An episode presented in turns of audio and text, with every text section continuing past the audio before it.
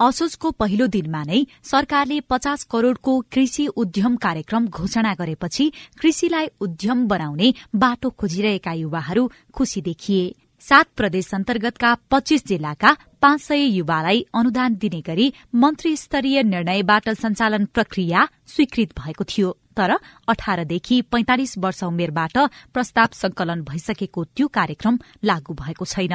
पाएको पनि छैन अर्थमा अनुदान केही पाएको पनि छैन। कृषिलाई आधुनिकीकरण गर्न युवालाई उद्यमी बनाउन सरकारले अनुदानमा आधारित कृषिका दर्जनौ कार्यक्रम चलाइरहेको छ। एउटा कार्यविधि सिंहदरबार भित्रै घुमिरहँदा अहिले ती सबै कार्यक्रम प्रभावित छन्।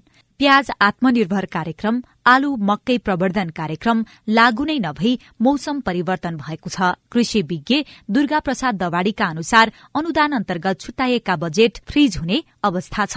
हाम्रो मन्त्रालय अर्थ मन्त्रालयको मुख ताक्छ। उसले सुविध गरिदियोस्।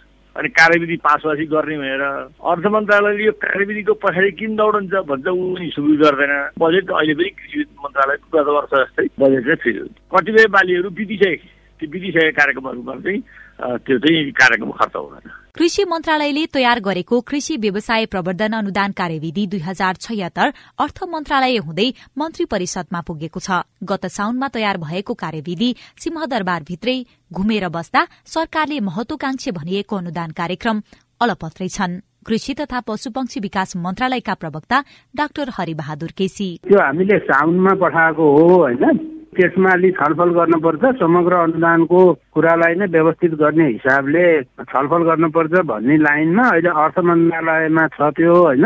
अर्थ मन्त्रालयले चाहिँ त्यसलाई फाइनल गर्ने स्टेजमा छ। त्यसपछि चाहिँ पास हुने क्याबिनेटबाट भन्ने कुरोमा अड्किरहेछ त्यो छलफलमा छ त्यो। नयाँ आर्थिक वर्षका लागि बजेटको छलफलको बेला हुन लागेको छ। तर यही आर्थिक वर्षमा गर्नुपर्ने महत्वपूर्ण मानिएका घोषित कार्यक्रम कार्यान्वयनका लागि प्रक्रिया नबढ्नु दुर्भाग्य भएको विज्ञहरूको भनाइ छ। सृजना बराल सीआईएन काठमाडौँ।